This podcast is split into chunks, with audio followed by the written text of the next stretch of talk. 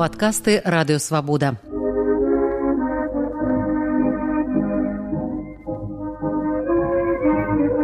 Сто гісторый пра БНР з Сергеем Шупам.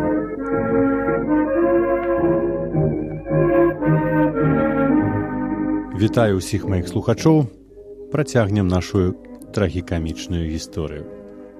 Кастусі завітаў, натхнёны першымі вайсковымі поспехамі асобнага атраду БНР пад камандай Балаховіча, прапануе заснаваць баявы ордэн, полацкі беларускі крыж, каб падтрымліваць у атрадзе добры вайсковы настрой. Палкоўнік сам распрацаваў палажэнне аб ордэне і нават зрабіў макет ордэна і ордэнскай стужкі. Полацкі крыж меў пяць ступеняў і дзве катэгорыі за баявыя заслугі і за мірныя ступені пазначаліся на стужцы зорачкамі баявыя або крыжыкамі мірныя. У рапарце ізавітаў намаляваў эскізы каляровымі алоўкамі. А фатаграфія макету недзе згубілася. Да адрасата рапарту антона луцкевіча яна ўжо не дайшла.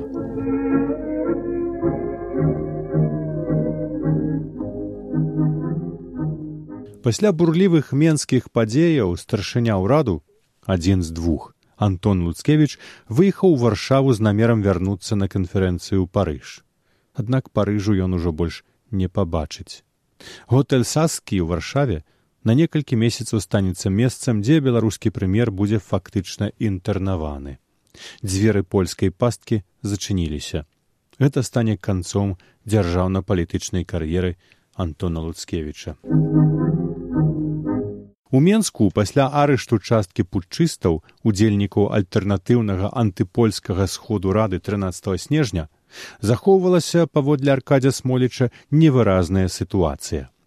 Эсеры ўсё яшчэ пад палом піша ён варшаву луцкевічу, хаця пачынаюць пакрысе вылазіць і весці работу.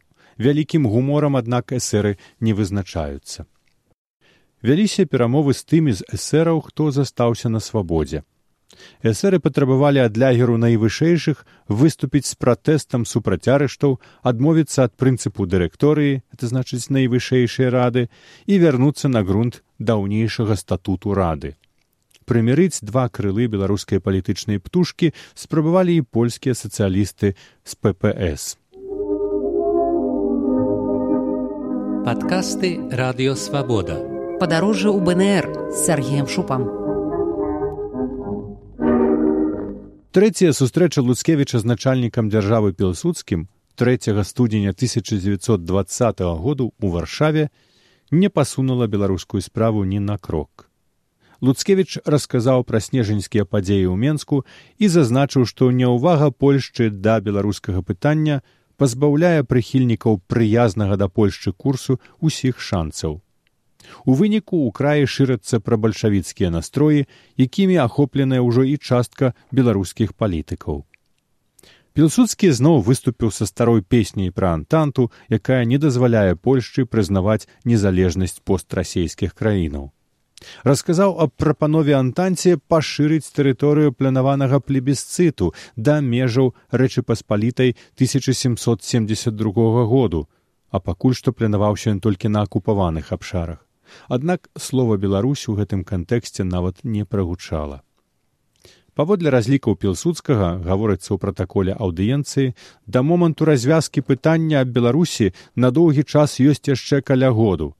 За гэты час беларусы і павінны зрабіць вялікую работу і выявіць як найбольш актыўнасці ў культурна-прасветнай рабоце і ў прапагандзе, у чым акупацыйныя ўласці гатовыя аказваць помач.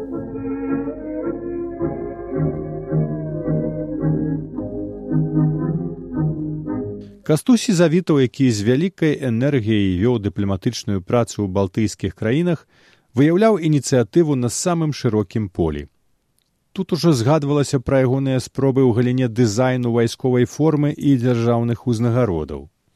Арыгінальнай была і ягоная ідэя вырашэння фінансавых праблемаў узначальванай ім місіі. Усё добра, але чуецца без грашоўе, паведамляе ён прэм'еру Луцкевічу. Трэба або рабіць заём, або выпускаць свае грошы.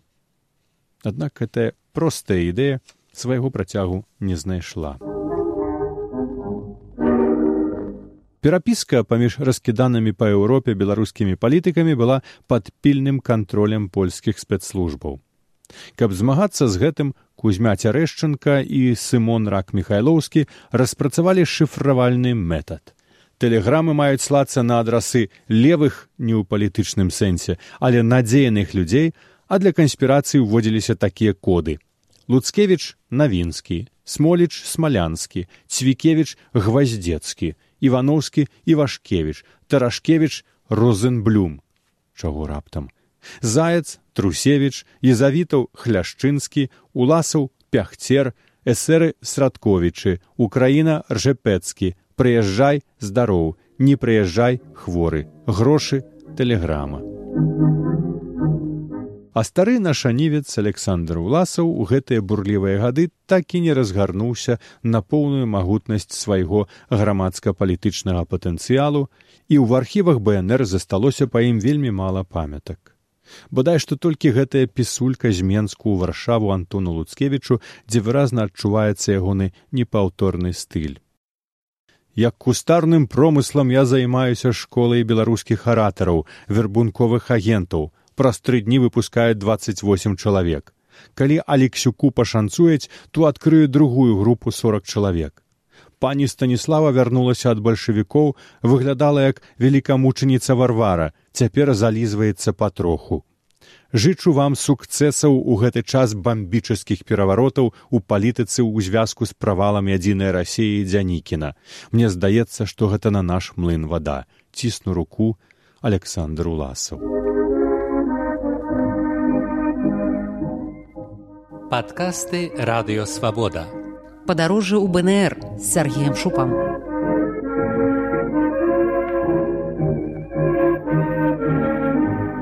Раскол рады БНР 13 снежня 19 году вывеў у беларускія палітычныя лідары старога культурніка нашаніўца вацлава ластоўскага.